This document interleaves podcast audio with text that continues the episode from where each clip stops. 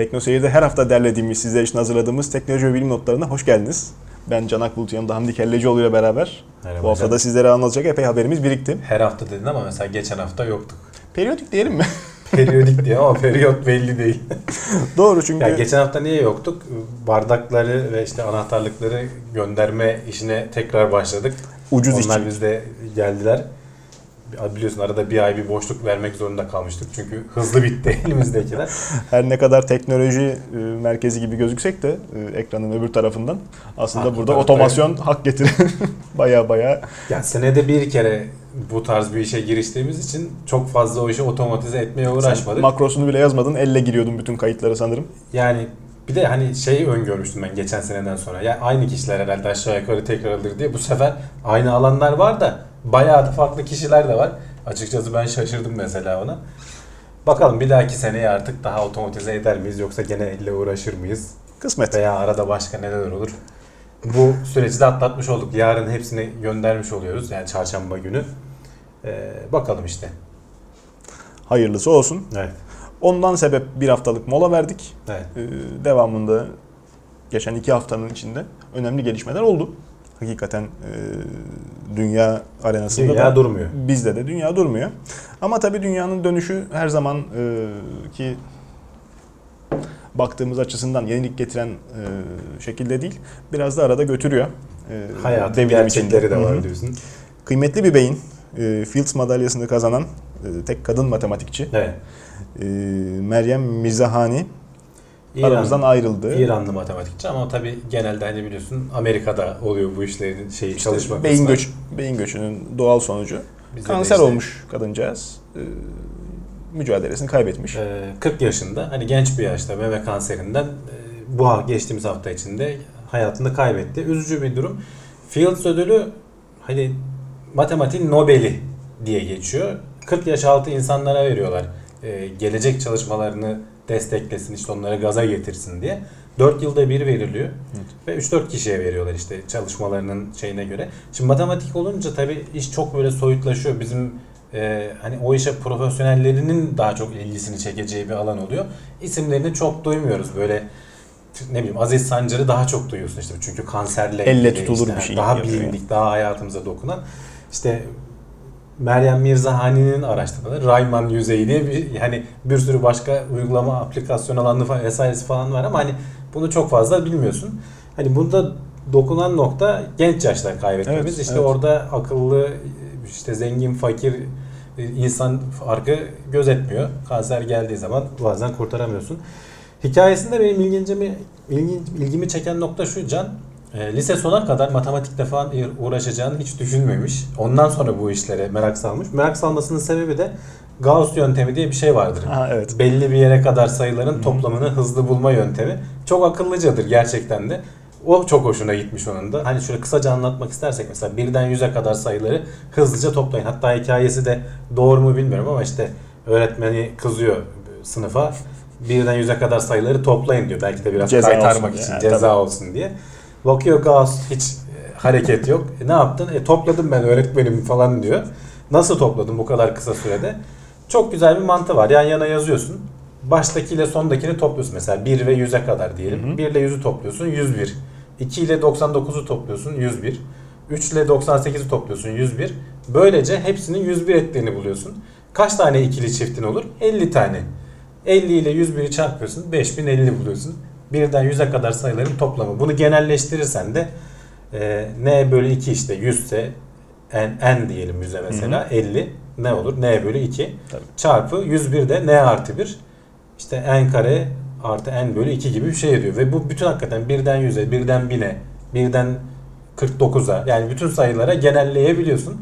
Bu yöntem çok hoşuna gitmiş. Onun üzerine matematikçi olmaya karar vermiş ve lise sonunda buna karar vermiş. Hani böyle deha doğulup böyle başlayan şeylerden değil. Eğitim sisteminin sanırım aslında e, güzel işlediği zaman hayata kazandırdığı espriler bu şekilde. Bilimi tanıtmak, bilimin esprilerini öğrenciye Hı göstermek. Bizde matematik genelde en sevilmeyen ders olur. Bazı insan için geometri. Ama geometri biraz daha çizim falan olduğu için insanların Yani matematik soyut olduğu için gerçek biyoloji. hayatta uygulayamadığın zaman anlamıyorsun. Tabii. Yani bu bizim ne işimize yarayacak? Tabii, tabii. Onun hakikaten çok güzel. İşte. Ee, gerçek hayatta nerede kullanıldığını vesaire göstererek anlatmak lazım. okulda onun verilmesi. Okulda onun verilmesi esas e, eğitim faaliyeti. Diğerini kitap okuyarak e, Ya zaten bu- artık internet Mesela devri. Gauss yönteminde de farklı düşünmek. Sen kendi öğrenirsin. Yani hani onları sen oturup hakikaten tabii. toplayarak da o sonuca Tabii, tabii, ulaşabilirsin tabii. ama çok basit bir yöntemle farklı düşünerek yani ben bunları Tabii. nasıl bir şey çıkarabilirim diye düşünerek ortaya çıkardın. Çok hoş bir şey. Anlaması da kolay. Öyle. İnternetten ararlarsa hani benim anlatmam burada sözlü pek güzel olmuyor. Ee, internette bir sürü videosunu vesaireyi bulabilirler. Çok da güzel olur. İşte darısı e, diğer genç bilim insanlarının başına diyelim. Değerli bir beyin. Kanser olsun da. Yok hayır. Yok hayır Allah korusun. Fields ödülü alsınlar. Fields ödülü alsınlar, ufukları açılsın. Kanser olmasınlar. Ee, hakikaten genç yaşta kayıp özellikle işte Evet. potansiyel sahibi insanlarda hem mantıken şey hani e, dünyanın e, gelişmesi adına bir değer kaybı hem de insanı Kesinlikle. gerçekten üzen bir hadise. Bu sıkıcı haberin ardından güzel bir e, gelişmeyle devam edelim. Moon Express ay üzerine robotik üs kurma bir planı açıklamış. Ee, dünyadan dışarı mı taşıyoruz? Moon Express özel bir firma. Hatta geçtiğimiz günlerde e, SpaceX gibi işte. Evet, e, Google'ın bir yarışması var. Ondan bahsetmiştim. Orada işte bu yıl içinde 5 tane e, X Prize ödülünü almak için Hı hı. 5 tane yarışmacı var. Bunlardan biri Moon Express. İşte ayın yüzeyine bir tane araç indirip işte 500 metre falan ilerleyecek. işte yüksek çözünürlüklü görüntüler falan gönderecek. İlk bunu yapan ödülü kazanmış olacak. Google bu işin arkasında. Moon Express de onlardan biri ama bunların e, yapmak istedikleri şeyler daha fazla. Orada diyorlar ki özellikle ayın işte güney kutbuna bir üst kuralım. Oradan biz madencilik diyorlar ama daha çok işte buz, buzu alıp e, şey üretelim. E, roket yakıtı üretelim. İşte o, o, o yakıtla belki işte aydan taş toprak dünyaya getirelim. Hatta bunları belki satalım hediyelik eşya olarak. NASA Veya gibi ama tersten. Bilim, bilim adamlarına verelim. Hı hı. E, onlara da tabii gene muhtemelen satılacak özel bir girişim olduğu için. Bunun nasıl yapılacağının e, kabaca diyelim yol haritasını çıkarmışlar ve bunu da hani 2020'ye kadar yapmayı planlıyorlar. Ama tabii ortada daha henüz araç yok. Hani aracın nasıl bir şey olacağını falan böyle videoda vesaire de göstermişler animasyon olarak ama hani gerçek hali yok. İşte bazı kısımlarını deniyoruz diyorlar ama şu var 2017'nin yani bu yılın sonuna kadar e, en azından ilk aşamasında oraya gidecek ilk şeyi gönderip işte yüzeyden 500 metre hareket ettirip resimde çekebilmeleri lazım. Devir artık bu devir oldu Hamdi abi. Evet. Yani bütün firmalar, bütün şirketler Özel neredeyse sektör giriyor can. Önemli olan o. Yani devletler yapıyordu. Ee, çok daha işte oy kaygısı vesaire vergiler harcanıyor falan gibi şeylerle e, frenlenebiliyordu. girerkenki üslupları da dangıl dungul kafalarında ne varsa çünkü artık patent kaybetme kaygısı yok. Bir kere neşredildi mi o artık sizin malınız olmuş oluyor. O yüzden fikri arka planda tutup da biraz gerçekçi adımlar atana kadar hem böyle sansasyonel vuruş olmuş oluyor. insanların ilgisi. Tabii. İlgi çekme. ilgisi toplanıyor hem de devamında olmasa bile hedeflerini tutturamasalar bile yine haber oluyorlar. Yani bir defa da yap, hatta onu da yapamayıp ketum kalıp kendi Yani içinde. ilginç olduğu için haber oluyorlar kesin. Evet. Zaten böyle bir açıklama yaptılar şimdi. 2020'ye kadar bunlar olur mu bilmiyorum. İşte zaten önce şu 2017'de iki yarışmayı bir kazansınlar. Çünkü diğer takımlar da dişli yani Doğru. dünya çapında. Doğru. Ee, onlar da kazanabilirler. Onların da başka planları var. Onlar hani bunu kazanama kazanırlarsa ciddi bir para ödülü alacaklar. Geleceğe dönük yatırım amaçlı kullanacaklar. Ya da belki ben şeyleri ikna edecekler. Başka yatırımcıları ikna edecekler. Ya da oturup çatır çatır yiyecekler. Ha, ya da yiyecekler. Aa, alacaklar. olmadı diyecekler. Ha, tabii. Ee, yanılmıyorsam Henry Ford'un sözüydü. Tavuk yumurtladığı zaman gıdaklar, ördekse susup oturur, bütün dünya tavuk yumurtası yer diye. Değil mi? İlgi çekmek yaptığı iş Pazarlama pazarlama. önemlidir Tabii, yani. tabii önemli bir e, adım. İşte bugün de o çağı yaşıyoruz, idrak ediyoruz. Ee, bir enteresan haber de sefer kürenin öbür tarafından geliyor Hamdi abi. Çin ışınlama mı yaptı? Ne yaptı? Işınlama daha önce yapılmıştı ama hani bizim bildiğimiz anlamda ışınlama değil. Burada bir maddeyi bir yerden bir yere göndermiyorsun. Bilgiyi bir yerden bir yere anlık taşıyorsun. Bilgi dediğin şey ama foton bildiğim kadarıyla kullanılıyor. Fotonları kullanarak Maddemsi. fotonların ya şöyle şimdi kuantum dolaşıklığı diye bir şey var. Bunu anlatması da zor, anlaması da zor. Kabaca hani şöyle söyleyeyim. İşte e, bir fotonun bir durumunu işte bu polarizasyon falan olabilir. ikiye ayırabiliyorsun. Bir tanesini işte burada Çinlilerin yaptığı çok uzağa götürmek. Bunlar eskiden 300 mil. e, işte uzaya yerden uzaya göndermişler lazerle. O sonra da bu fotonun senin elindeki fotonu ölçtüğün anda karşı taraftaki fotonuna da normalde her şeydir. Schrödinger'in kedisi de e, bilinemez. Hani dalga denklemi denir. Her türlü ihtimal vardır. O, olabilitesi vardır yani. Hem Evet. canlı hem ölü olabilir kedi o kutunun içinde. Sen kontrol ettiğin anda bütün ihtimaller tek bir yere e, odaklanmış oluyor. Bunu şey için kullanmaya çalışıyorlar ve bu zamandan bağımsız. Yani anlık oluyor. Sen burada fotonu ölçtüğün anda oraya çok uzağa gönderdiğin foton da anında onun negatifi ne dönüşmüş oluyor. Negatif diyorum da hani anlaşılsın diye. Anlaması hakikaten zor. Çiftine dönüşmüş oluyor Beynin yani. idrak şeyinin Bunu ucunda. haberleşme için kullanabiliriz diyorlar. Şimdi ışık hızıyla haberleşiyorsun ama bu zamandan bağımsız. Işık hızıyla bile haberleşsen mesela Mesafe Mars'ta uzadıkça vesaire uzadıkça işte yarım saat Yavaş kalıyor, tabii. Jüpiter'e falan gittikçe çok çok daha uzun zamanlara çıkıyor haberleşme süresi. Işık hızı yetersiz hale geliyor. Hele güneş sisteminin dışına falan çıkacaksan zaten başka bir şey bulman lazım. tabii. Bu kuantum dolaşıklığı etkisinden yararlanabilecek bir yöntem bulursan zamandan kurtulmuş oluyorsun. Ama burada şöyle bir problem var. Ee, şu an için yapılan testlerde yani bu mesela Çinlilerin yaptığı test de öyle. Bir parçayı ikiye ayırıp yani işte polarizasyonu farklı olan mesela fotonların bir kısmını oraya göndermen lazım. Yani burada nasıl bunu kullanabilirsin? Mektup zarfı gibi düşünebilir miyiz? İşte zarfı yanında götürecek Hı hı. yani şey. Kutuyu yanına götürecek bir maddeyi diyeyim. Açmayacak ama bakmayacak. Sonra işte bir şekilde iletişim yöntemiyle dünyadan sen oraya bir bilgi aktarmak istediğinde buradakini manipüle edeceksin. Oradaki otomatikman değişmiş olacak. Ve bunlar bir kere manipüle edildikten sonra da belki kullanılamaz hale gelecekler. Hani benzini biten telefon gibi bir şey Evet, olacak. evet. Öyle düşün. Yani Evet. Tabii ki çok deneysel aşamada. Yani bu kuantum dünyasını anlamak da zor. Bunu işte bir şey yaratmak da çok zor. Ama işte Çinlilerin yaptığı bu mesafeyi çok uzatmış oldular. Yani işte 300 mil diyorsun işte 500 kilometre ile 1400 kilometre arasında değişen bir şeye e, uzaklığa kadar denemeyi baş- başarılı bir şekilde denediler. Eskiden laboratuvar ortamında yakın mesafelerde deneniyordu. Tekrar söyleyeyim ışınlanan şey madde değil. Yani seni buradan alıp bir yere ışınlamıyoruz. Bilgiyi gönderiyoruz. haberin servis Bilginin edilme şekli- ışınlanması gibi bir şey bu. Öyle. Yani maddenin ışınlanması olayından falan çok uzağız. Öyle bir şey henüz yok yani. Hayal kırıklığı. Peki. Yani bilim kurgu olarak kalıyor. Yani o Star Trek'te gördüğümüz şeyler. Bununla beraber tabii anlık hiç gecikmesi olmayan mesaj gönderilmek aynı zamanda müthiş e, şifre kabiliyeti anlamına geliyor. Ya kuantum dünyasına girdiğin zaman işte o anlık göndermekten ziyade bir sürü olasılığı aynı anda işleyebilme yeteneği. Çünkü her şey yani bizim anlamamızın zorluğu da oradan çıkıyor zaten Can. Biz dünyada böyle belirli şeyleri hayatı kolaylaştırıyoruz. isim vererek, etiketleyerek vesaire. Kuantumda hiçbir şey belirli değil. Sen sen şey yapana kadar, gözlemleyene kadar belirsizliğini koruyor. Gözlemlemeyerek işte onun o belirsizliğinden yararlanarak kuantum bilgisayarlar vesaireler falan çalışabilir hale geliyor zaten. Görgü farkı, bakış açısı farkı. hı. Hmm, Film vardı izlemeyen arkadaşlar belki şey yaparlar, e, rağbet gösterir izlerler. E, lisanın düşünce şekline etki etmesiyle e, alakalıydı. Uzaylıların e, kullandığı Hı. dilin insan düşünce yapısına e, nasıl uzak, nasıl farklı diyorsun sen. Evet. Ee, biz mevcut görgü algımızla bunu idrak etmekte zorlanıyoruz.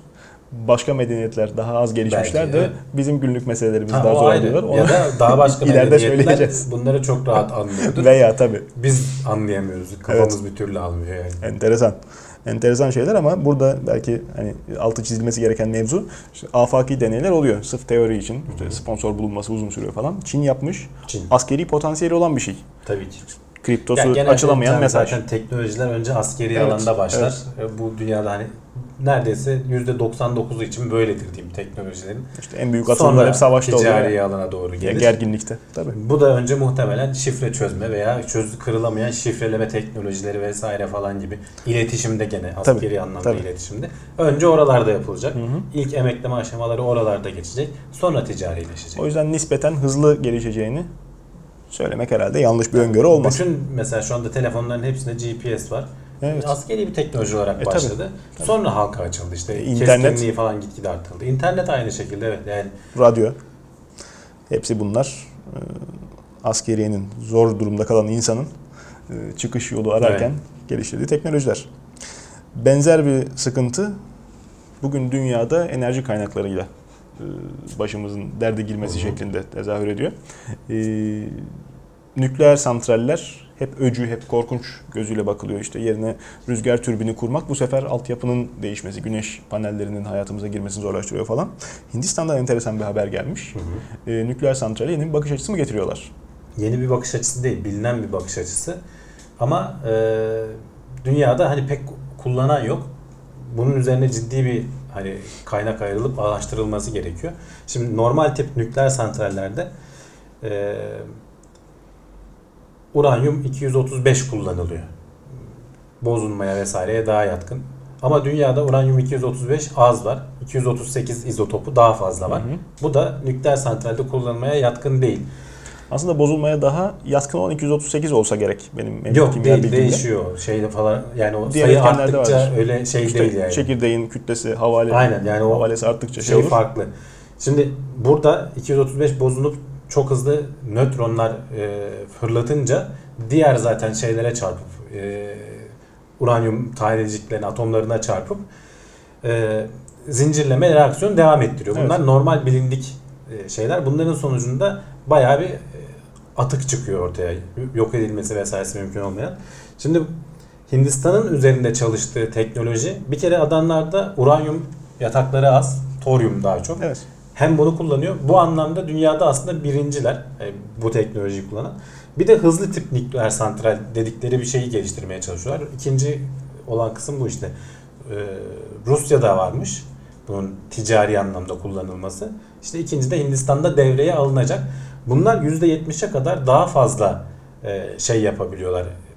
Verdiğin işte e, kütleden enerji çıkarabiliyorlar. Ve bu santrallere şöyle deniyor. E, tükettiklerinden daha fazla yakıt üretiyorlar.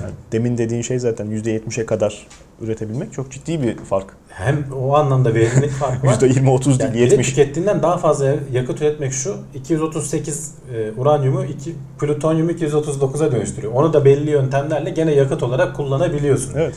Ve bunun sonucunda çıkan işte atıklar vesaireler falan daha az olduğu söyleniyor. Tabii tabii. Daha güvenli bir e, şey ama işte o hızlı nötronları kontrol altında tutmuyorsun burada. Hızlı olarak kullanıyorsun. Bu biraz daha zor diyorlar. Hatta belki biraz daha riskli çünkü daha önce de Japonya vesaire falan bunları e, bu teknolojiyi geliştirmeye çalışırken işte güvenlik nedeniyle falan vazgeçtik falan diyorlar ama bilmiyorum hani ne kadar doğrudur. İşin ayrıntısına Fukushima vakıf değilim. hüsranından sonra belki de kamuoyunda Çinliler de bir yandan hani bununla uğraşıyorlar. Fukushima'dan önce bunlar hani şey değil. O nispeten yeni sayılır yani. Ee, Çinliler de bir yandan hani bu teknolojiyi geliştirmeye uğraşıyorlar. Çin'de başka şeyler de var biliyorsun hani e, Bill Gates'in falan bile yatırımları var orada bu daha güvenilir nükleer santraller nasıl olabilir üzerine uğraşıyorlar. Bir yandan işte geçen e, notlar gün teknoloji notlarında konuşmuştuk. Füzyon üzerine çalışılıyor. Evet, evet. Ama bu füzyon kısmında işte işin. Tabii. Evet. İşin e, birleştirmesinde değil parçalamasında onu da daha güvenli hale getirebilir miyiz? Daha az yakıt şey daha az çöp çıkarabilir miyiz? Şimdi- Bu çıkan çöpler daha az kirletici, daha az radyoaktif olabilir mi? Teknoloji- Hindistan burada bayağı ilerleme kaydetmiş. Teknoloji, matematiğin temiz tarafı, kağıt üzerindeki de hep şeydir aslında. İyidir. Hı hı. O konuda problem olmaz, güvenlidir. İnsan beyni, düşünce yöntemi ım, işleri biraz bozuyor. Nükleer santralden çıkan atıklar ne yapılıyor? Depolanıyor. Ya imha ediyorsun ya da bundan da istifade edeyim diye silah yapıyorsun. Hı. Nükleer silah üretilmesi zaten insanları kızdıran mevzu. Yani yan ürünü olarak bunun yapılıyor olması. E şimdi tamam ben yapmayayım dediğin zaman komşu yapıyor. Biri, biri yaptığı anda zaten denge bozulur canım. Herkes Her- yapar. herkes Bunu da yapıyor. herkes bildiği için ben yapmayayım demez kimse zaten. Tabii. Yapar. Yapmam, de- Yapabilecek olan yapmam yapar dese yani. bile yine masanın altında uğraşır. Bir taraftan yapıyordur, stoklamıştır. Teknoloji buna bile sen öyle yapacağını düşünürsün adam. ne ya? Tabii. Ki sen de yaparsın yani. Her türlü. Kaçışı yok. E, politik dünyanın getirileri. İşte bizde de nükleer santral e, olması konusunda bir takım çekinceler var. Teknoloji harika. Keşke yapılsa ama işte teknolojinin yeteri kadar e, bilinçli efendime söyleyeyim e, kalifiye elemanlarca yönetilip yönetilmeyeceği Evet. insanların aklındaki haklı soru. Çünkü envai çeşit skandal yaşanmış. Kesinlikle haklı soru. Yani hani bunun sonuçta işin ehli insanlar tarafından yönetilmesi ya ona rağmen zaten kazalar olabilir. Ama sonuçta istatistiklere de biraz güvenmek lazım. Yani dünya Evet. çapında bu kazalar ne kadar gerçekleşmiş, ne kadar şey olmuş. Diğer ele- elektrik üretme teknolojilerinin de ne kazalar olmuş, En- ne kadar ölümle sonuçlanmış. Hani bunları Ben biraz karşılaştırmak lazım. İlkokuldayken bize en temiz teknoloji, en harika teknoloji diye hidroelektrik santrali öğretmişlerdi. Hı hı. Yani termik e, santraller çok daha kötü falan diye. Evet Ee, yani karbon salınımı açısından bakarsan doğru. Ne, ne kadar sığ bir bakış. Ama sığ bir bakış. evet. Evet. Halbuki çevreyi en çok kirleten, en çok zarar veren şeyler hidroelektrik santral. Kirletme denir mi bilmiyorum ama değiştirdiği kesin işte. Zarar veriyorsun. Aslında Yani oradaki yani- normal dokuyu değiştiriyorsun. Öbürü de, ki- de kirletmiyor, bir yani değiştiriyor. Normalde göl olmayan Radyasyon yere- veriyor işte. Değil mi? Değiştiriyor. Üç boynuzlu geyik çıkıyor falan. Olabiliyor yani. ya normalde göl olmayan bir yere Bakış sen açısı. göl yaptığın zaman oranın bütün iklimini, doğa Endemik yapısını, bitkisini, oraya özgü tabii hayvan türünü hayvanlarını, bitiriyor. canlılığını her şeyi değiştiriyorsun. Yani farklı bir şey oluyor orada. Evet. Bunların da hani düşünmesi lazım ama sonuçta enerjiye aç bir ülkeysen bu da genelde büyüyen ülkelerde oluyor işte. Diğerleri zaten hani harcıyorlar ama Tabii. altyapıyı da korumuş oluyorlar. Tabii tabii. İşte bu Hindistan, Çin, Türkiye'de dahil işte Brezilya vesaire bunlar büyümekte oldukları için sürekli daha fazla enerji tüketimi oluyor. İşte insanlar zenginleşiyor vesaire evde işte klimayı açıyorsun. Hı hı. Herkesin buzdolabı oluyor falan. Hani bunlar hepsi bunu İşte tetikleyen. Bir de şimdi bir de arabalar eklenecek. Hızlı içine. zenginleşmenin getirdiği görgüsüzlükle bir olacaksa iki harcayayım ben. Bana ne E, diyor? o da öyle oluyor şey. tabii. O da- yüzden e, yani bakınca hakikaten belli bir refah seviyesinin üzerine çıkmış memleketlerde gitgide insanların sanayi tesislerini ayrı tutuyorum tabii. İnsanların bireysel harcamaları gitgide azalıyor. O da enteresan bir bakış açısı farkı. İşte nükleer santraller enerji açtığımızın bir boyutu, diğer boyutu da pil. E, bu kadar enerjiyi depolamanın bir çözümü olmalı. Elektrikli arabalar bir taraftan e, daha çok yer tutmaya çalışıyor. Bir taraftan ev içinde çözümler. İşte e, Ya şey- işte bak mesela bu depolama nereden geliyor? Bak şimdi sıradaki haber onunla ilgili. Şimdi Güney Avustralya rüzgar santrallerinden elektrik üretiyor. Güzel. Evet. Ama işte nükleer santraller gibi stabil değil. Rüzgar Herkesin aklındaki esiyor, soru tabii. Bazen esmiyor. Rüzgar O zaman olacak? depolaman gerekiyor. Bu sefer e, 100 megawatt de pil istiyor adamlar. Yani düşünsene boyutu. Kapasitör Sistemi dengelemek için Tabii. yani. Olmayan zamanda hani olan da fazla ürettiğimiz zaman depolayalım sonra kullanalım. Tamam güzel. İşte burada şey iddiaya girdi. Elon Musk Twitter üzerinden ona birileri yazdı. demirsiz adam. 100 günde işte 100 megawatt üretebilir misin? Elon Musk da herhalde hesabını kitabını yaptı. 100 günü aşarsak bedava dedi adam hani direkt ağanın eli tutulmaz şekilde. Bunun üzerine Avustralya Başbakanı İlk 15 gün bedava dedi. o tersten devreye girmiş. Ya gelin o zaman ihaleye katılın vesaire. Ee, tabii diğer işte kendi yerel üreticileri falan da katılıyor ama Tesla'nın kazandığı açıklandı bu şeyi. Bu arada Tesla hani bildiğimiz o araba markası biliyorsun bir yandan da pil üreten devasa bir fabrika kurdu. Çölün Detayına daha önce değinmiştik. Şimdi e, şey çok garip. Ev pili projesinde anlatmıştık bunu. E, evin ihtiyaç duyacağı, sen eve trifaze torna tezgahı kurmadıkça veya işte CNC makinesi getirmedikçe evin e, çekebileceği maksimum elektrik belli. Hı hı. Bu arabanın anlık tüketim ihtiyacının yanından bile geçmiyor. Lityum polimer pil mimarisinde bunların kullandıkları işte lityum iyon diye geçiyor ama aslında lityum e, iyon polimer. E, lityum mimarisinde de pilin voltaj kararlılığı çekilen amper miktarıyla çok orantılı. Ve pilin sağlığı, üretim kalitesi de buna etki ediyor. En iyi piller sadece mükemmel üretilmiş ve mükemmel kondisyondaki piller sadece Tesla arabalarının o dudak uçuklatan hızlanma değerlerini verip anında şarj olup tekrar e, şey yapabiliyor, enerjisini kusabiliyor. Ev içinde öyle bir ihtiyaca gerek yok. Ve üretimden çıkan bir sürü hatalı pil var. En iyi üretemediğimiz piller ne oldu? Bir zaman bir bisküvi fabrikası e, üretim bandının ayarını mı kaçırmış, ne yapmış? E, Pötibör bisküviyi ya- yakmıştı. O yaktığı seri de piyasaya çifte kavrulmuş diye sundu. Değil mi? Ne güzel. Ve millet beğenince ondan sonra devam ettiler. çifte kavrulmuş pötibör bisküvi. Tabii. o Tesla'da hesap diyorsun iyi olmayan şeyleri, Tabii. pilleri yani arabalar için yeterince iyi olmayan pilleri ev için yine el harika. diyor. Yani araba pilini verse o potansiyel ziyan olacak. Bir Hı. anlamı kalmayacak. Ömür zaten aşağı yukarı aynı. İşte dediğim gibi eve sanayi tesisi kurup da o kadar çılgın elektrik çekecek bir deney yapmadıkça e, potansiyelinin yanına bile yaklaşamazsınız. Lityum olması burada beni biraz düşündürüyor sadece. Çünkü bütün dünyada rezervlerin hızla tükendiği bilinen Evet değil ve yani? stratejik olarak da işte bildiğim kadarıyla Çin'de en büyük Hmm. yataklar. E, çok e, sıkıntılı yerlerde, erişimi kolay olmayan yerlerde bulunan bir Ne metal. kadar daha böyle lityum pil üretebileceğiz ama herhalde onlar, da düşünüp araştırmalarını yapıyorlardır. Bir taraftan da işte başka haberler geliyor. Alman kimyagerler uzun zamandır bunun üzerinde çalışıyor ve fosfor pili üzerinde Hı. şey alındı. Yani mesafe alındı. Piyasaya sürülmesine daha var. O yüzden henüz çok haberini duymuyoruz ama prensipte çalıştı. Laboratuvar ortamında gayet güzel sonuç aldılar. Lityuma eşdeğer performansı yanma riski olmadan verebiliyor fosfor pili. Hmm. Lityumun tabii en büyük derdi işte bu uçaklara Evet. alınmama vesaire falan hep yanma riski değil mi? E, tabii. Oksijenle karşılaştığında Soğutma. pili kontrol edemiyorsun. Ta- Tabii soğutma şeyi. Etrafında lityum polimer pili açık görenler. işte milletin cep telefonu cebinde suratında patladı ya. Aynı hesap. Ee, lityum pilin etrafında şey var. Z- geçilmez yalıtım zarfı var. Yalıtım zarfını açtıktan sonra o bir kere oksijen çekmeye başladı mı bir kova dolusu suyun içine atsanız dahi sudaki oksijeni çekip yanmaya devam ediyor. Görüyorsunuz alev alev suyun içinde. Oksidasyon reaksiyonu müthiş e, şey tehlikeli. Fosforda bu yok diyorsun. Bayağı önemli bir gelişme yani. Tabii tabii. İşte o yüzden bu kadar yatırım yapılıyor, bu kadar insan bağlanıyor lityum pile. Tamam şu anda harika. Ama yarın alternatifi çıktığı zaman bunlara bir daha mı satılacak pil acaba? O yüzden mi bu kadar... O zaman ne olacak biliyor musun? Herkes şeyi anlatıyor olacak cep telefonu firmaları. Şimdiye kadar bomba taşıdınız cebinizde. Tabii tabii atın onları çöpe. Atın. Ya Kardeşim bir, bir sene önce bunu demiyordun. Sigara sağlığa yararlıdır. Değil mi? Stresi azaltır. Her akşam içiniz diyen doktor reklamları gibi. 1950'li yıllar. Ah. Ne kadar çok insanın başı yandı kim bilir. Hasılı e, bu anlaşma sonucu dünyanın en büyüğü mü oldu? Lityum Depolama, üzerinden şey depolama. olarak evet. Bir taraftan da mega kapasitörler üzerinde çalışılıyor Hamdi abi. Pil şimdi illa enerjiyi tutup kimyevi şekilde saklamak zorunda değil. Hı. İşte kapasitör mantığında müthiş hızlı şarj olması büyük avantaj ama durduğu yerde voltajı tutamaması, hızlı hızlı kaçırması da dezavantajı oluyor. Otomobiller üzerinde çalışıyor birkaç firma bildiğim kadarıyla. Ee, şimdilik çok kullanışlı olmamasının sebebi, çok kullanılabilir olmamasının sebebi işte en küçük kapasitör Ramazan davulu kadar bir şey oluyor. Yani arabaya sokmak istemiyorlar onu.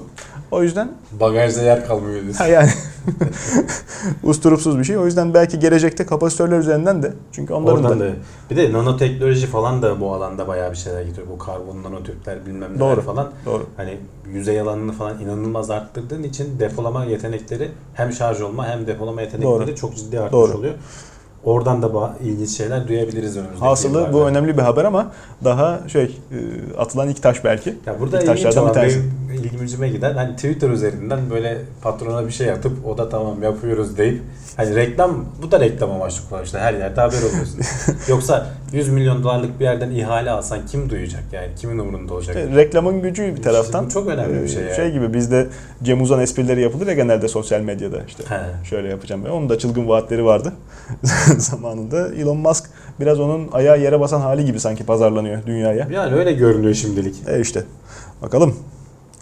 Biz de bu esnada e, enteresan şeyler dönmüyor değil. E, TRT Çocuk dünyanın güneş çevresindeki hareketini anlatan bir video. e, Şimdi TRT. Çocuk da bunu ben Twitter'da da paylaştım. Bir çizgi filmde şey diyor işte mevsimler nasıl oluşur sorusuna kendince cevap veriyor.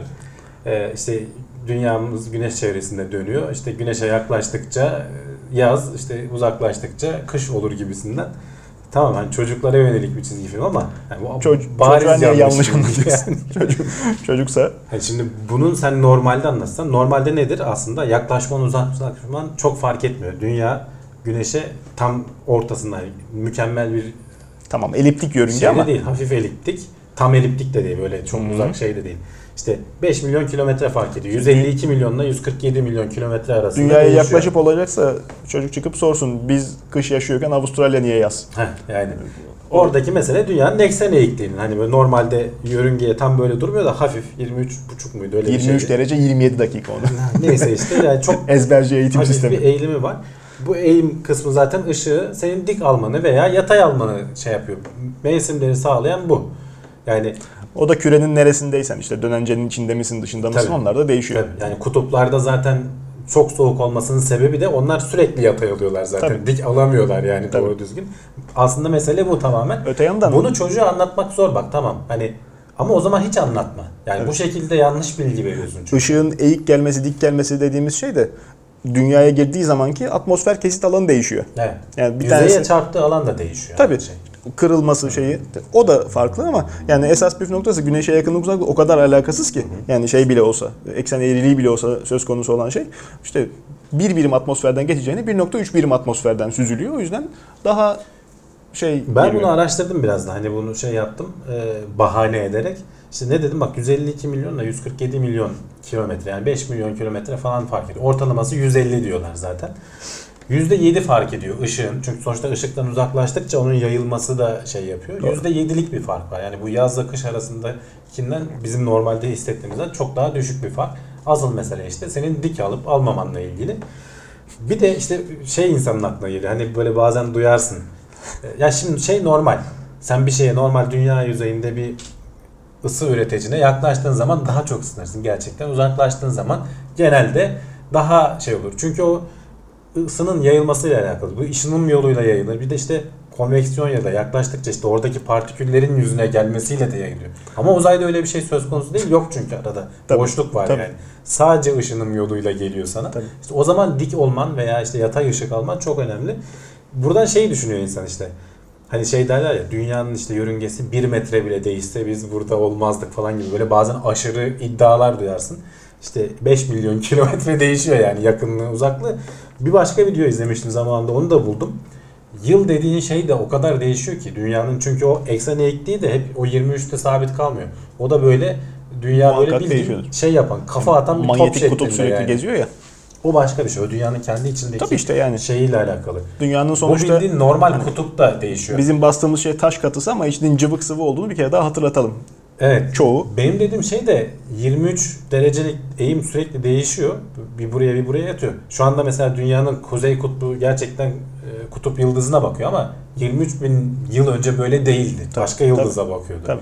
Yani o zaman kuzeye gitmek için başka tarafa gitmen gerekiyordu. tabii. Yani bunlar sürekli değişen şeyler. Biz genelleyerek kabul ediyoruz. Yani işte 365 gün diyoruz ama bir yılın bile neye göre belirleneceği o ikinci paylaştığım videoyu izlesinler. Şu 10-12 dakikalık bir video. Bir yıl neye göre bir yıl? Yani o kadar zor ki Doğru, bunu doğru, hesaplamak. Doğru. Güneşin tam dünya çevresinde döndüğümüz, tam aynı yerden geçmiyor ki her zaman. Statikocu kafa 1900'lerin başına kadar sanırım ekseriyet. Hep bir şeylerin katı kanun, sert, işte yobazca e, sabitlenmesi şeklinde bakmış bilimsel e, İşte kuantum darmadağın etti onu. Anlaşılmaz hale Tabii, getirdi. tabii. Hoşgörü zannedersem 2. Cihan Harbi'nden sonra biraz daha e, Yani- yayılmış insanların Zaten- zihnine. Einstein Bakış açısı. gibi hani büyük bilim adamı bile başta itiraz ediyor. Yani anlamıyor. Ha, Onun bile kafası almayabiliyor bazen İşte- bu konuları. Kendisi Metot. yazdığı denklemlere sabit ekliyor. Yani Evet, evet. eklememese, eklemese öteki bakış açısını kabul etse yani evrenin genişlediğini vesairesi o sabit olmalı diyor ama bir denkleme bir şey ekliyor. Genişlediğini kabul ettiği zaman o sabitle gidiyor denkleminden vesaire. Hani çok basitleştirerek anlatıyor. Tabii. Hani bilim adamları bile bazen böyle şeylere takılabiliyorlar. Normal vatandaşın bunlara şey yapması çok doğal. Ama işte sen çocuğa en baştan yanlış bir bilgiyi doğrudan televizyonda ö- öğretiyorsan hani biraz dikkat etmen lazım yani. Çok tehlikeli. Hiç girme o topa. hiç girme. Yani bunu anlatması zor. Çocuğa böyle anlatamazsın. Sen ekle Anlatmayı ver gitsin. Onu anlatma. Başka şeyleri anlat yani. Daha anlatılabilir şeylere gir. Enteresan, enteresan. Bunlar çok basit meseleler işte. Her gün gördüğümüz birçok farklı kaynaktan e, farklı şeylerini aldığımız e, meseleler.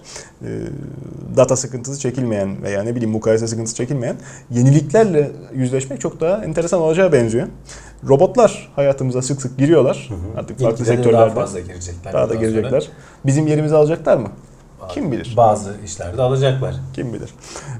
Dolayısıyla insansı robotlar bugünlerin işte Boston Dynamics'in sergilediği şeyler veya işte Honda'nın Asimos'u bugünlerin popüler ikonları. Şimdi işte bu haberdeki ilginç nokta bu. İnsansılık arttıkça hoşuna gidiyor bir yere kadar ama sonra bir anda düşüyor bu. evet. Bu test korkunçlaşıyor. evet korkunçlaşıyor. Orada böyle garip vadi dedikleri onun eğrisi de var.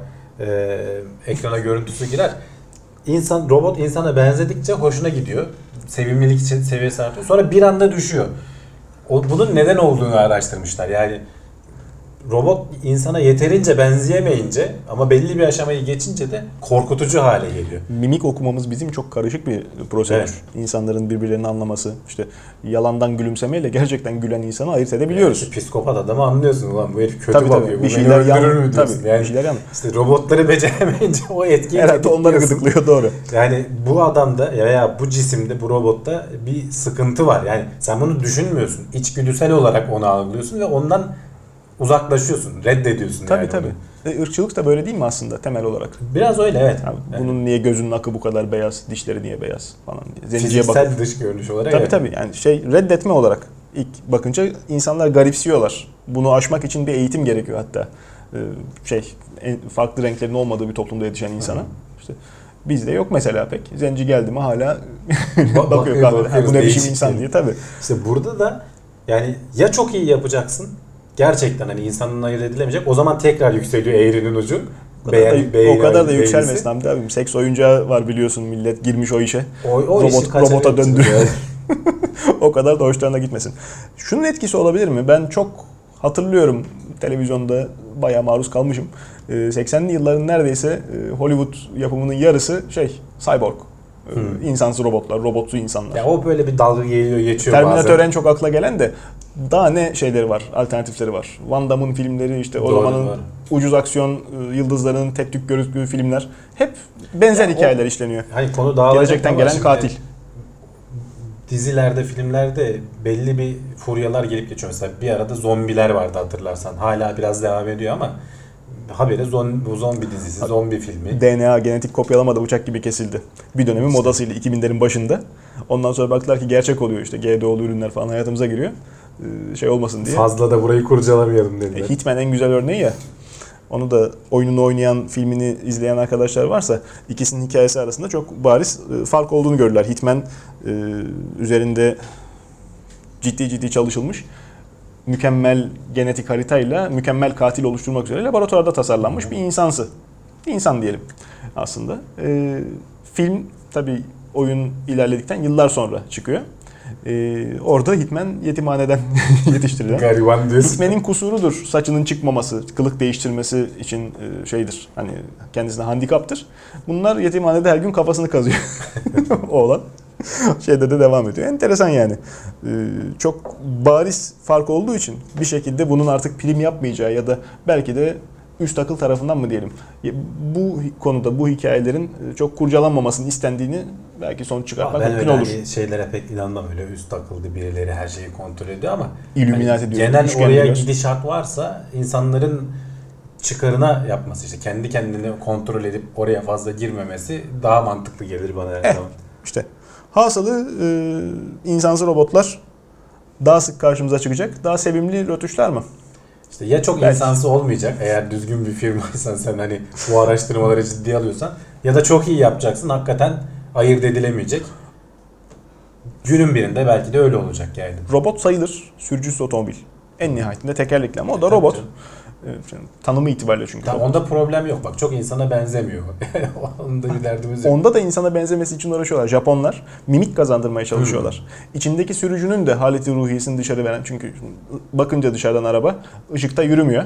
İki saniye gecikti. Kornaya basayım. Adam içeride kuduruyor mu sinirden? Karısıyla mı kavga etmiş veya mutluluktan uçuyor mu? Dışarıdaki adam anlayamıyor. Ondan sonra trafik magandası deniyor. Trafik kavgalarını azaltalım Tabii. yaklaşımı. Tabii. Japonlar bunun üzerinde çalışıyorlardı. Arabalara mimik dışarıdan anlaşılacak işte. Renkli. Japonların kültürü de biraz değişik. Garip, doğru söylüyorsun. Şeyleri, Doğru bu söylüyorsun. tür şeylere daha yatkın onlar. Doğru söylüyorsun. Yani çok farklı alanlarda bu araştırma, insan yüzünün e, işte ifade aktarma kabiliyetleri, insanın bunları okuma, tespit etme kabiliyeti üzerine çok ciddi araştırma yapılıyor. Daha da farklı yerlerde belki göreceğiz karşımıza çıkacak. Bugünün güzel konuları bunlar. Ses getiren, şey yapan. bir taraftan da insanın dedik ya hani e, samimiyet anlama efendime söyleyeyim e, karşıdakinin e, yalan mı söylüyor İşte doğru mu söylüyor. okuyamadığın zaman şeyi anlayamıyorsun. Sosyal medyadaki yalan haberleri çözemeyebiliyorsun. Niye bu kadar hızlı yayılıyormuş? Şundan dolayı Can, bombardıman altındasın. Doğruyu, eğriyi fazla düşünmeden. Çünkü bir şeyin doğru olup olmadığını anlaman için ona emek harcaman lazım, okuman lazım. Sosyal medyada insanlar sırf tüketici değil aynı zamanda biraz da yayıncı kimliği kazandığı için galiba zaman baskısını mı hissediyorlar? Tabii ki yani Önce ben retweet yapayım. geliyor. İşte bir sürü takip ettiğin arkadaşın bilmem ne falan var. Bir de işte o sen retweet ettiğin zaman veya sen yazdığın zaman o haberi beğeni aldığın zaman falan böyle bir Hmm. tatmin duygusu vesaire de geliyor. Bu kendini besleyen bir süreç. Daha fazla haber, daha ilgi çekici, tabii, sansasyonel. tabii. Hani gerçeklikten biraz olsun kopsun ama işte ne bileyim yani O Ee, insanların belki galeyana gelmiş, belki işte o anda haber olduğu için söylüyorum. Ee, O anda ilgisini çekecek şeyi daha da gıdıklayacak, daha İşte köpürtecek. Bunun altında ezildikçe, sen çok fazla haber bombardımanın altında ezildikçe e, dikkat süren azalıyor tabii her şeye Tabii. ayırdın. Dolayısıyla retweet edip veya beğenip veya paylaşıp geçiyorsun. Dolayısıyla o kendi kendine besleyen bir süreç. Araştırmacılar bunun simülasyonunu yapmışlar. Hani gerçek e, dünya şey değil de işte 100 bin tane mesajı alıp işte bunun kullanıcılara bir anda yükleyince nasıl oluyor? İşte daha fazla mesaj ekleyince ne oluyor falan simülasyonunu yapıp çok da gerek yok aslında bunu çünkü gerçek dünyada hani sosyal medya bir çöpe dönüştü can şu anda yani bence Çoktandır. çok dikkat etmen lazım oradan gelen haberlere. Çok ciddi anlam. Yani senin güvendiğin adam meselesi değil. Arkadaşından geliyor ama okumadan gönderiyor. Ya bununla ilgili ilginç Tabii, deneyler tabii. yapanlar da var. İşte bir ara bana göndermişlerdi. Hamdi abi işte NASA işte canlı buldu falan diye. Hmm. Başlığa bakıyorsun. ilk iki paragrafı okuyorsun. İlginç. Adam üçüncü paragrafa şey yazmış. Bu bir denemeydi. Buraya kadar okuduysanız helal olsun falan gibi şeyler yazmış. Ki o da okumamış zaten. okumuyorlar ya. Başlığı okuyup paylaşıp geçiyorlar. Hamdi abi şu da var belki. Yani dünyanın geri kalanında bu kadar e, düştüğünü zannetmiyorum ama Bu kadar bu kadar. Yani bu bize özgü, Türkiye'ye özgü bir şey değil. sosyal Bütün dünyada sosyal medyadan bahsetmiyorum. Baya baya işte anlı şanlı e, yılların e, şeyini taşıyan, başlığını taşıyan gazetelerin internet siteleri. Ha, gazeteler Öyle tabii. sapa gelmez haberler, öyle saçma başlıklar atıyorlar Doğru. ki. İnternet Bugün siteleri öyle. evet eli yüzü düzgün bir internet sitesinde dahi işte bir makale okuyacaksınız. Aslında yani üç cümleyle anlatılabilecek basit bir şey. Haber niteliği ise de şeyse öyle bir şey dedi ki. Dedi ki. Onu öyle bir O tıklama çalmak için. O da işin ayrı bir boyutu yani. Oturunca metnin buna göre kurgulandığını anlıyor insan Aynen. okuduğu zaman. Bu adam bana işte başlatıyor bir paragraf, iki paragraf, üç paragraf boş lakırdı. Aynı şeyi tekrar ediyor. Martaval. Tabii, tabii. tekrar ediyorlar. Sırf oraya kadar ineyim işte bir sayfa daha değiştireyim diye. Ya lanet edip kapatıyoruz. İşte bazen iyi, iyi yapıyor insanlar altında yorum hemen okumayın arkadaş şu olmuş diye yazı veriyor. Yani bunun aşılması lazım belki de. Bu da sosyal medyadaki kolay içeriği daha lazım. samimi gösterip. Peki Hamdi abi şimdi gerçi buradan bakınca ben de içinde gibi oldum ama hani YouTube ortamında sosyal medyanın sen daha içinde bir insan olarak e, bil fiil. E, geleceğini nasıl de- görüyorsun? Değerlendirebilir misin? Yani yani- bu paylaşım ustur, uslubu böyle devam etmemeli. Bunun herkes farkında. De, etmemeli de böyle olacak yani yapacak bir şey yok. Zaten şimdi bunu konuşuyoruz. Mesela post-truth, gerçek ötesi bir dönem. Herkes şey diyor internet işte yaygınlaşınca biz işte bilginin paylaşmasının çok hızlı olacağını, işte böyle bir patlama yaşanacağını düşünüyorduk. evet bu oldu. Ama, Ama yalan bilginin bilgi. yayılması daha hızlı oldu. Çünkü hani propaganda amaçlı kullananlar da var. Öyle. Sonuçta bunu hani Tabii tabii. herkes iyi niyetli de değil veya işte hani bir şey paylaşayım diye hani geyik için de yapmıyor. Bunu ciddi anlamda kullananlar da var ve bunu iyi yapıyorlar. Daha organize oldukları için ve sen buna düşüyorsun ister istemez. Şimdi herkes bunu diyor işte hatta bunun işte İngilizcesi post truth yani gerçek ötesi çağda yaşıyoruz artık.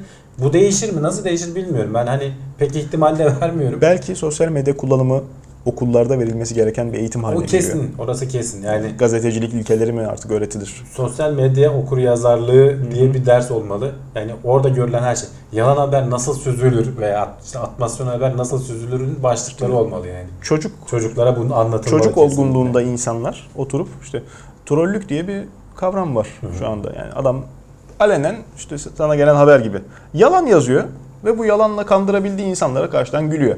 Veya trollük kisvesinde bir konu hakkında fikri olmayan çat pat bir şeyler duymuş ama ortam delikanlılığı yapayım diye çıkıp yazan adam ondan sonra bak arkadaş yanlışsın senin bu dediğin alakası yok deyince trollüğe sığını veriyor. Yani bu ahlak e, çöküntüsü, bu e, insani ilişkilerde İşte günlük hayatta yapılamayan bir şey. yapılamaz çünkü İnternetin karşındayken başka Tabii. türlü oluyor işte senin Tabii. davranışınlarsa. İnternet tabii daha kolay. Klavye delikanlısı vesaire falan da deniyor ya. Ne kavramlar var hakikaten. Bunlar yeni kavramlar ama işte hayatımızda da olacaklar. Yapacak bir şey yok. Sen O- olacak akıl diyorsun. sağlığını işte. bir şeyi koruyacaksın fazla. Yönetmenin bir, belki de insanlara işte gelecekte teknolojiler değişiyor. Cyborg dedik belki DNA'mıza küçük bir e, müdahaleyle internet kullanımı daha akıllandırılabilir bilmiyorum. E, bilim adamları oynuyorlar bayağı çatır çatır. Bakteri de Oynuyorları bırak. DNA'lara bilgi depoluyorlar artık. Hani film bile döndürmüşler. Yani farklı şey- evet yani GIF depolamış adamlar. Biz gündemde konuşmuştuk galiba bir ara birkaç hafta önce. Microsoft bile bu alanda işte bir sürü yatırım yapıp şey yapıyor. Ee, bilim adamları bildiğin GIF'i depolayıp sonra geri okumuşlar. İkisinin de resmi var. Baya yani %90 doğruluk oranında Peki, okumayı bakterinin başarmışlar. hayatında bir şey Canlı mi? hücre üzerinde can. Yani hani ölü DNA parçası, ölü demeyeyim de işte bir DNA parçasını da yapabilmek hücre Bir şey. aktivitesi yokken ayrı konu. Bir de canlı de, hücre üzerinde yapıp hani orada bir sürü hareket oluyor, bir şeyler oluyor, bir hı. protein sentezleniyor, İşte bilmem ne oluyor. Yaşıyor hayvan- yani o hücre. Hayvan parçalanmıyor. İşte yaşam fonksiyonlarından ödün Bozulmadan vermiyor. Tabii. ettirebilmek ciddi bir şey. Tabii ki şu anda bu depolama çok yavaş oluyor. Ee, okuma da vesaire de yavaş oluyor. İşte %90'ı bilginin depolanabiliyor ama bu sonuçta bu süreçler geliştirilecek. Çok fazla bilgiyi yani bir tane hücrende taşıyabilir hale geleceksin belki. Ee, yani inanılmaz bir şey. Öyle, Ve öyle. buna hani öyle. Microsoft falan gibi büyük firmalar bile yatırım yapıyorlar yani. canlı hücreye yapılması zaten filmin koptuğu yer. Hı hı. Yani hakikaten e, çok çok büyük bir atılım. Altının bir kere daha çizilmesi lazım. E, Belki işte hastalık tedavilerinde de çığır açacak e, yöne Ha, doğru gidiyoruz. Mesela onu ben düşünmemiştim. Bu haberde ikinci kısmında onu anlatıyor. Ee, şey diyor.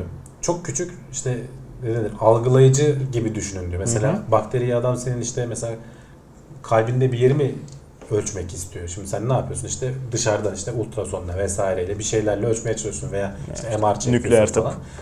Belki oradaki işte kimyasal salınımları vesaireyi ölçmek için belki bakteriyi oraya göndereceksin. O etrafındaki dokudaki veriyi kendi DNA'sı üzerine kaydedecek. Sonra geri alıp sen bunu belki ölçebileceksin. Bunları planlıyorlar yani. Şu Tabii, anda bunları tabii. yapabilir miyizin Tabii. peşindeler. Tabii. Hani Yani sadece biz buna veri depolayalım. İşte hard disk gibi kullanalım değil mesele. Değil. Yani kullanım alanı hiç aklına gelmeyecek. Benim gelmemişti bu haberi okuyana kadar. Gerçekten ilginç. Öyle. Öyle. İnsanların tabi bilimsel çalışmaları e, çok eskiye dayanıyor. İlk belki mağara adamı kafasını kaldırıp e, yıldızların ne kadar parlak olduğunu sayalı beri. E, Bilimsel daha da çalışmalar, ölçümler. Evet. Gerçi E, bilimsel denir mi buna bilmiyorum. Çünkü e, yani hani söylenen tartışmalı şu, mevzu. insanlar insan ırkı aslında kendi kendine evcilleştirmiş. Hani biz diyoruz işte köpeği evcilleştirdik, işte koyunları, inekleri bilmem neyi bir şekilde vahşi doğadaki gibi değiller. İşte atları falan evcilleştiriyorsun. Kendi amacına yönelik. Hatta bunların işte her nesilde değiştire değiştire kendine özel köpek türleri vesaireler falan icat ediyorsun yani. Ama işte ilk başta kendi kendimize de yapmış olabiliriz diyorlar bilim adamları. Kadınlar Yani- diyorsun adamı evcilleştirmiş mi ilk önce? işte toplum kendi kendine evcilleştirmiş ama çok mantıklı çünkü bir arada yaşayan bir toplum yapabilmek için can daha böyle uysal, munis adamları şey yapman lazım. Bir araya gelebilirsin. Hani Hmm. böyle saldırgan, agresif adamı toplumlar ister istemez dışlıyorlar. Veya işte o adam etrafındakileri öldürüp yalnız kalıyor ve ölüyor. Tabii. Toplum olamıyor yani. Tabii.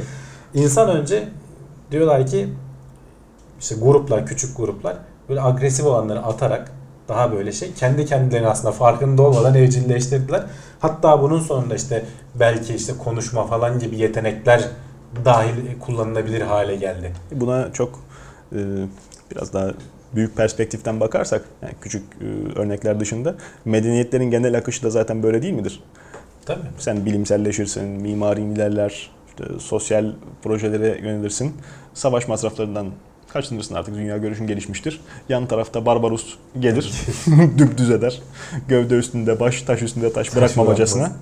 Ondan sonra bir daha onlar gelişir o topraklarda. Ee, Medeniyet böyle döner. Yani Belki şeyde kaç yüz kere. hani bize tekrarlandı. Şu anda bunu hani bazı maymun türlerinde de gözlemleyebiliyoruz. Mesela bonobolar daha böyle bir arada yaşarken çok Hmm. yakın mesela şempanzelerle Evet. Gruplar halinde yaşarken şempanzeler biraz daha böyle bireysel takılıyorlar. Niye? Çünkü daha agresifler. Doğru. Yani Doğru. insanlarda işte biz artık bayağı büyük topluluklara şey yapabildik. Demek ki daha uysallaşmayı daha önce başlattık bir şekilde. Evet, ilginç. Bir taraftan şempanzelerle yapılmış başka deneyler aklıma geliyor. Ee, onların da hassasiyeti insanlara çok benzer yalan konusunda veya işte aldatılma konusunda. Oyun oynatıyorlardı falan işte. Tanesine oyun oynadığı zaman ödül veriyor. Öbürü de aynısını yapıyor. Ona ödül vermiyor. Çıldırıyordu hayvan. Kafesi parçalıyordu. Adalet duygusu o yani. Ha işte. Hayvanı delirtmişler onu. yani e, insanoğlunda da var bu tabii. En bariz örneği e, şeyde görünce şaşırtıyor ama hepimiz yaşıyoruz. Evet. E, yalan söylemek işte insanların sık sık kullandığı bir kötü haslet. İlk yalanlardan peşi sıra geliveriyormuş. Daha kolaylaşıyormuş. Beyin böyle mi çalışıyor? Beyin böyle çalışıyormuş canım. Araştırmacılar bunu yalan hani bir düzenek kurmuşlar işte seni yalan söylemeye veya söylememeye yönelten. O sırada da manyetik rezonansla sürekli beynini tarıyorlar. Hmm. Neresi çalışıyor. Yalan söylediğin zaman bizim duygularımızı kontrol eden bu amigdala denilen bir kısım var. Daha böyle e, temel işlevleri yerine getiren duygular işte korku vesaire falan gibi şeyleri yöneten kısım. Orası aktif hale geliyor. Ekstra peşine yalanlar söyledikçe aktifleşme oranı azalıyor. Yani yalan söylemen kolaylaşıyor. Artı bir de senin çıkarınaysa söylediğin yalan daha yalan Hmm. daha az aktif oluyor. Belki de kendini daha iyi saklamaya yöneldiği için mi insan? Yani deneyde olduğunu sonuçta biliyor. Bu konuda çünkü hani e, Yakın Gerçi zamana kadar şöyle deneyleri yaparlarken hani tam olarak neyi ölçtüklerini falan söylemiyor. Ah, tabii, tabii. bir deneydesin ama tabii sen adam beyninde neyi ölçüyor? O kullandığın deney ortamı da hani çok onu anlayacak şekilde onun olmuyor. kurgu tabii ama işte yine de kurgulanması çok çok özen isteyen insan da çok çünkü tabii. herhangi bir şeye benzemiyor çok e, zeki Zeki mahluk. yani.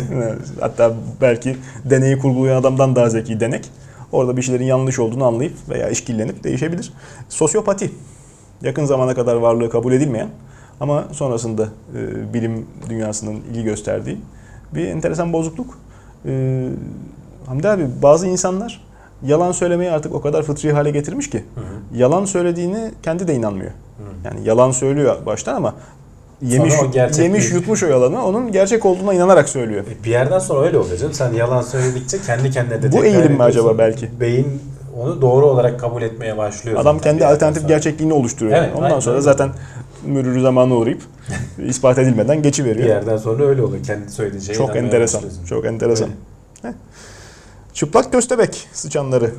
Ee, Bu da çok enteresan. yani bir sonraki mevzumuz İlginç ya. Yani bilmiyorum sevimli mi dersin, sevimsiz mi dersin. Garip bir hayvan can. valla şey e, ben severim tüysüz hayvanları kendimde de mümkün Zaten mertebe hani uyguluyorum. köstebek olduğundan anlamışsındır. Yerin altında yaşıyorlar.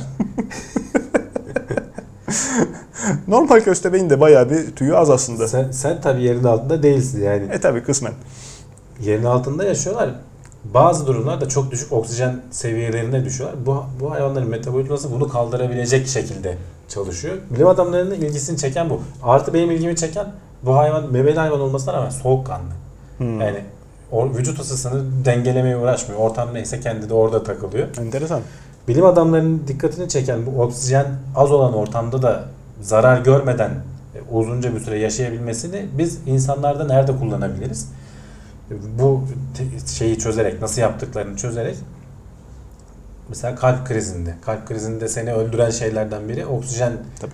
Kan pompalaması durunca dokulara oksijen gitmiyor. Beyne Özellikle de gitmiyor. beyne gitmemesi zaten hani sürekli çok oksijen ihtiyacı olan, en çok ok- oksijen ihtiyacı olan organımız. Uzun süreli ameliyatlar keza. E, orada veya işte ne bileyim başka oksijensiz kalma durumlarında Dağcılık, pilotluk. tekrar hayata döndürmek için belki bu yöntemle veya işte döndürene kadar o arada geçen sürede zarar görmemesini Hı hı. belki sağlayabiliriz diye bu hayvanlardan feyiz alıyorlarmış.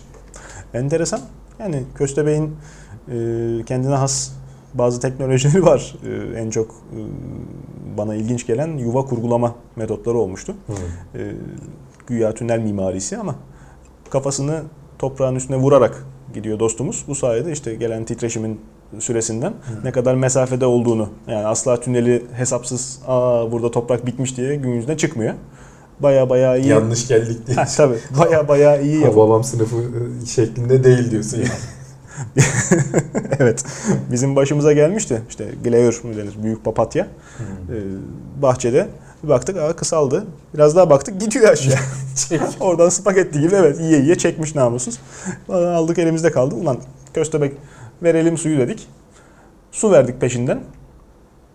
5 dakika, 10 dakika, 15, 20 dakika, yarım saat sonra daha 50 metre ileride su çıktı bir yerden Hmm.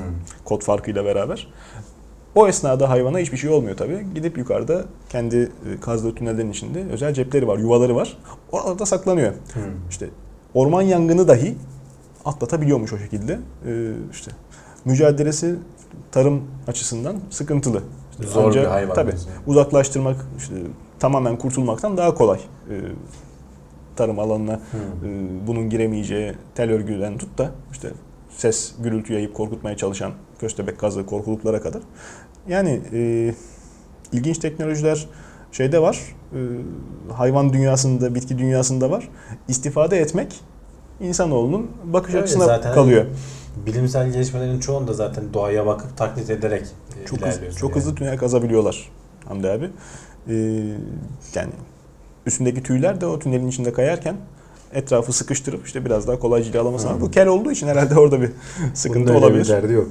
Şey de enteresan gelmişti. Dişleri dudakların önünde. Bir garip gözükmesinin esprisi o. Toprağı yerken hani kaz, kazarken dişler dışarıda dursun. Ağzından kaçmasın. Hı. Toz toprak diye. Yalıtımlı namussuz.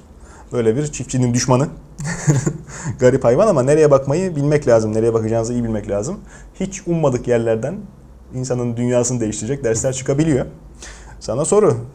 Sayılar olmadan yaşanır mı? Sayılar olmadan yaşanıyormuş yani. Normalde Nereye bakıp öğrenmişler bunu? Amazon, Amazon'daki bir kabileye bakmışlar. Piraha diye. Bir, bir, bir iki kabile daha var ismini hatırlayamadım şimdi de. Bunlar bizim bildiğimiz anlamda sayıları kullanmıyorlar Can. Ee, hatta çok ilginç bir hikayesi de var. Ee, bir dil bilimci var Daniel Everett diye. Ben onun TED konuşmalarını falan da koydum buraya. Ee, adam aslında Din bilimciymiş. e, misyoner yani oraya bu kabilelere Hristiyanlığı yaymak için gidiyor. Ama kabileler adamı bozuyor, ateist yapıp geri gönderiyorlar.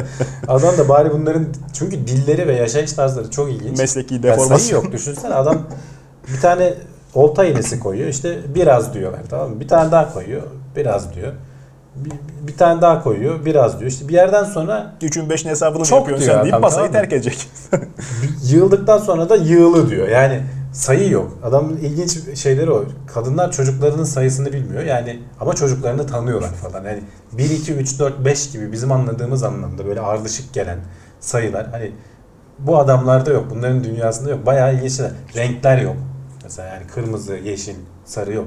Yaprak benim, rengi. benim saçlarım ne renk diyor işte kan gibi diyorlar. Hep böyle tanımlamayla. Tabii tabii. İşte yerler işte de- şey su nasıl işte yaprak gibi. Kahve gibi. Ha, yani. Kahverengi. yönler yok. Sağ Temel sol insan- falan gibi yönleri yok. Her bütün yaşadıkları yer zaten işte Amazon Nehri'nin kıyısı. Tabii. Bütün yönler oraya referansla.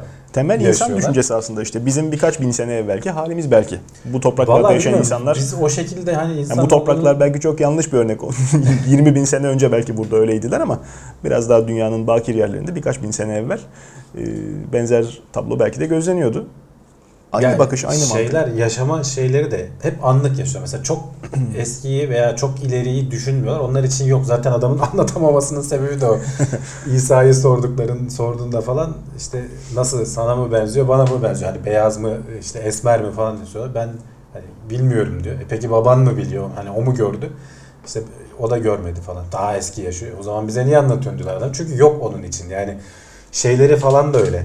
Mesela sen ortamdan uzaklaştığın zaman yok oluyorsun. Hani bizim hani çok küçük yaşta çocuklarda C yaparsın ya o Hı hı. çocuk aslında senin ortamdan kaybolduğunu zanneder. Örtünün altına girdi. Doğru. Onun beyni daha o kadar algılayabilir. Bu adamların şey de öyle geri zekalı değiller. Normal insanlar yani. Ama kültürleri öyle olduğu için İşte Arrival her filminde farklı dediğimiz gibi. Aynen evet. Az yani Arrival filmi de belki bundan etkilenmiştir. Adam misyoner olarak gidiyor, dil bilimci olarak şu anda hani kabul gören bir adam yani çok ilginç. Yani biraz evvel ben de onu vurgulayacaktım. İyi oldu bu noktaya bir kere daha değindiğin. Adamın aslında şimdi oturtsak karşımıza böyle düşünen bir insanı ufkunu belki açarız, belki köreltiriz. Bilmiyorum. Kendi düşüncemizde zehirler miyiz, değiştirir miyiz bir şekilde? Karşılıklı Tartışma, kesin. yani. tartışma konusu. Ama bir şeyleri aktarırız. Mevcut lisan hakimiyetimizle veririz örnekler ne bileyim başka şeyler daha süslü cümleler kurarız daha basite indirgeriz adamın manzarasını anlatırız. Bu adam onların dilinde konuşmaya çalışıyor. İşte 20 Esas yılda falan öğrenmiş. zorlayıcı Yani sıkıntı o. 77'lerde 77-78 yılında gitmiş. Bunların arasında bayağı yaşamış. Yani orada bildiğin kamp kurmuş adam. Hoşuna da gitmiş yani o yaşam tarzı şeyleri falan. Hani biz misyoner olarak diyor bazı yöntemlerimiz vardı işte mesela işte sen mutsuzsun, hayat sıkıntın var. İşte biz seni kurtaracağız inanca bağla falan. Adamlar diyor mutlu diyor anlatamadı yani bir dertleri yok diyor. Tabii. İşte ölüm korkulacak bir şey değildir işte bir başka başlangıçtır falan gibi yaklaşırız normalde diyor.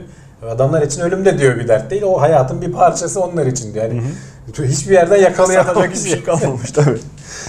Adam işte en sonunda kendi bozulmuş yani. Orada ilginç bir şey Cehaletimi var. mazur gör. Ayırt edemedim. İki sene evvel yanlış hatırlamıyorsam yine Amazon'da bir kabile helikopterle fotoğrafları çekilmişti. Hmm. Hiç insanla karşılaşmamışlar bunlar. Ok Yani medeniyetle. değil mi? Evet evet.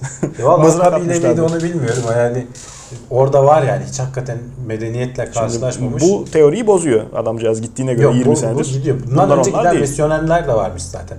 Onlar dil bilmediği için çok diyor adamın Evet. kafasında anlatılan İsa anlayışı diyor bambaşka diyor. Yani Tabii. onu çeviriyor videosunu izlesinler. Bayağı uzun videoları var bu adamın. Yani esprili falan.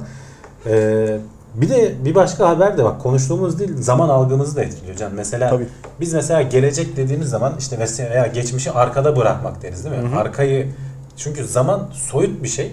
Biz e, mekanla onu birleştiriyoruz. Kökü yani mazide olan ati olmak halbuki. İşte heh, evet ne demek istediysen artık.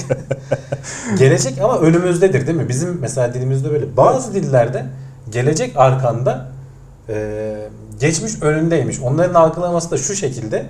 Geçmişi görebiliyoruz önümüzde. Geleceği göremiyoruz arkamızda. Doğru. Onlar mesela öyle bir şey. Kültürden kültüre zamana bakışın da farklılaşıyor. Dil bilimiyle işte insan düşünce yapısını çok rahat anlamak mümkün olabiliyor. Geçmiş insanların hayata bakışı. Ee, Bildiğim kadarıyla e, şeyler e, bunun ciddi ciddi beynin çalışmasına etki ettiğini gösteren çalışmalar vardı. Eski İngiliz toplumunun mesela mavi rengi göremediği eski insanların e, grey eye işte ne renk bu gri. Şey mavi vardı. değil, maviyi ayırt edemiyor adam gri diyor. Bu dediğin aynı örneği Afrika'ya giden bir BBC belgeselinde görmüştüm ben. Ee, onlar da galiba yeşil rengimi göremiyorlardı. Yani mavinin bin tane tonunu görüyorlar. Adam gösteriyor hepimiz için mavi gerçekten hani şey yapıyor. Kabileden çağırıyor. İşte bu mavi bu başka bir şey diyor adam. Söylüyor yani. Onun için farklı bir renk. Ama yeşili göremiyorlar. Yani o yeşili de mavi diyor adam. Yani renkleri algılamak vesaire falan tamamen dille ve etrafında bulunan diğer renklerle alakalı şey. Eğitimi çok yüzeysel yapıyoruz belki. Yani maruz kaldığımız eğitim sistemi de kendi araştırmalarımız işte kişisel gelişim için yaptığımız adımlar da muhtemelen çok yüzeysel kalıyor. İnanarak yapıldığında çünkü bak dil, bebeklikten öğrenilen dil ya adamın en temeli. Bütün her şeyi onun üzerine kurguluyor. Bu kadar Evet. derinimize sirayet etmiyor bizim aldığımız hiçbir eğitim. Belki bu şekilde yaklaşmanın bir metodu üzerinde uğraşılırsa daha farklı beceriler kazanmak üzere beynimizi daha etkin kullanma belki. Mega İkinci hafıza. bir dil öğrenmek mesela hani şimdi şeyi söylüyorlar işte artık çeviriler falan çok güçlenecek vesaire hani Evet. dil öğrenmen gerekmeyecek. Gerçekten evet belki başka insanları anlamak için gerekmeyecek ama farklı bir dil öğrendiğin zaman beynindeki o devrelerin bağlanma şeklini değiştiriyorsun. Evet evet. Esneklik kazanıyorsun. Bak bu son paylaştığımız bu konuştuğumuz dil zaman algımızı etkiliyor yazısında da biraz bu anlatılıyor. Çift dilli insanların düşünce şekli farklı oluyor. Öyle, öyle. sadece ana dilini bilenlerin düşünce şekli farklı oluyor. Yani bu bir esneklik de kazandırıyor. Sadece karşıdakini anlama meselesi E, Dünya değil görüşü yani. de İşte dünya görüşü falan onlar ayrı. kaynaktan istifade etmek da. tabii tabii. Bir de beynindeki diyorum ya o sinapsların o bildiğin devrelerin bağlanış Tabii, şeklini tabii, değiştiriyor olman farklılaştırıyorsun. İşte ben- belki vizyonunu arttırıyor. Belki ne bileyim IQ'nu bir miktar arttırıyor. Nasıl? Bel- belki de kısıyor öğrendiğin dile göre. Bilmiyorum artık. ben kısa süre Japonca öğrenmeye çalıştım. Ee, birazcık da ilerledim işte onların basit alfabesi hiragana'yı e, söktüm. Hı hı. Okuyup yazıyordum ama işte tam ne okuyup ne yazdığımı anlama konusundayken ayrılmak durumunda kaldım. Belki devam ederim bilmiyorum ama e, sayı sistemlerinin e, basitliği benim gözümü kamaştırmıştı. Türkçede ne kadar zorlanıyormuşuz. Bak 10, 20, 30, 40, 50 bir sürü şey ezberlemen gerekiyor. Onlar da 1, 10, 2, 10, 3, 10. Hı. Daha sistematik işte yüzler binler aynı şekilde. Matematik hesaplarında belki daha rahat işte mühendislik e, şeyleri bakınca Japonların elinden çıkan ürünlerde bir basitlik, sadelik. Belki de bun, bunun birbirine bağlıdır kesin. getirisi veya götürüsü işte Bak, düşünce sıradaki haber etki tam ediyordur. sayı düzeni dedin. Ee, 12'lik sayı düzenini kullansa şimdi bizim 10'luk sayı düzenini kullanıyoruz. 3'e bölü demiyor o. Evet. En büyük sakıncası. Hayır niye 10'luk düzeni kullanıyoruz? Çünkü 5 parmağımız var iki elimizde. Yani sayması kolay. Buradan dolayı yani tamamen pratik. Yani kültür böyle gelmiş insanlık tarihi. Handikapı da bakınca 10 3'e bölünemiyor hesaplarda. 10 13'e bölünemiyor işte. Bu işte Fransız devrimi zamanında şimdi ondan daha önce şeyler e, ölçüler mesela hep bu inç mesela 12 katı foot'tur mesela tam Hı hı. denk gelir yani hakikaten çarpsınlar e, Bak, şeyini. o da baş parmaktan geliyor inç. İşte şeyi orada bak boyu. 12'lik düzeni kullanmışlar. Fransız devrimi zamanında kafayı bir böyle onluk düzene takıyorlar. Her şeyi onluğa çeviriyorlar. Saatleri falan bile onluk mu yapmaya falan yapıyorlar ama Metrik tut- saat, tabii. tutturamıyorlar yani. O tutmuyor yani insanlar anlaşmıyor. 12'lik olsaydı bak 12 4'e bölünebiliyor, 3'e bölünebiliyor, 2'ye bölünebiliyor, 6'ya bölünebiliyor. Yani Dersimiz para Obek Okek. hesaplamaları yani çeyreğini, yarısını, üçte birini almak falan çok kolaylaşacaktı. Büyük matematik hesaplarında hiçbir şey değişmeyecekti. Çünkü sayı sistemi değişiyor aslında. Doğru. Ama günlük yaşamında işte parayı bölerken vesaire. Şimdi işte yüzde şey üçte bir dediğin zaman yüzde 33.3333 gibi bir şey oluyor. Yani İşte. üçte biri onluk düzende O sayede sağlayamıyorsun 3 yani. tanesi 1 milyon satılan bir sürü ürün var.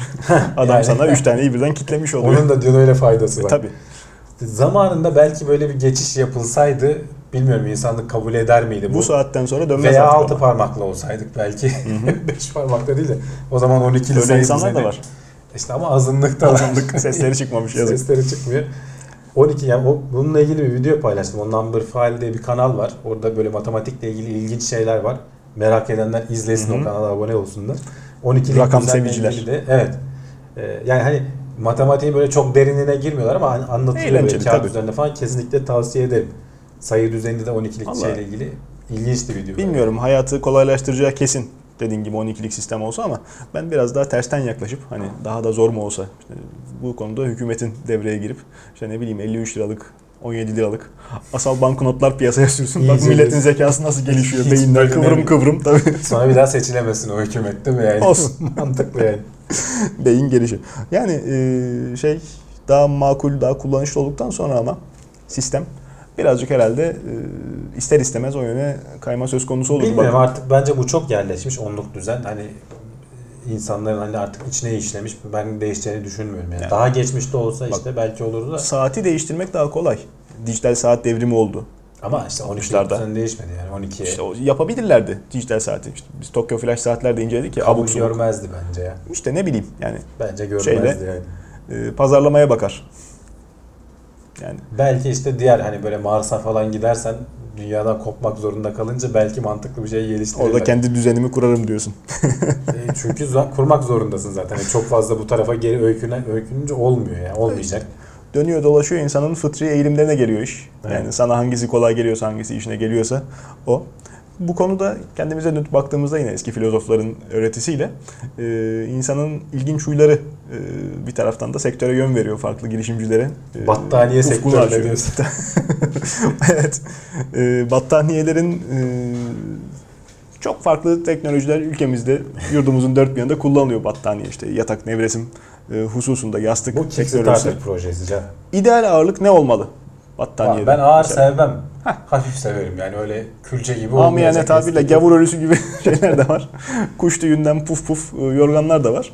Bu abiler e, ağır yorganın daha iyi Daha- olduğunu iddia ediyorlar. Hatta işte kötük gibi uyuyacaksınız diyorlar bununla. Niye? Çünkü psikolojik olarak tam temeli va- var. Hatta yani bilimsel araştırmalara da tabii. Bir şey seni sarıldığı zaman, sarmaladığı zaman e, güvenlik duygun artıyor.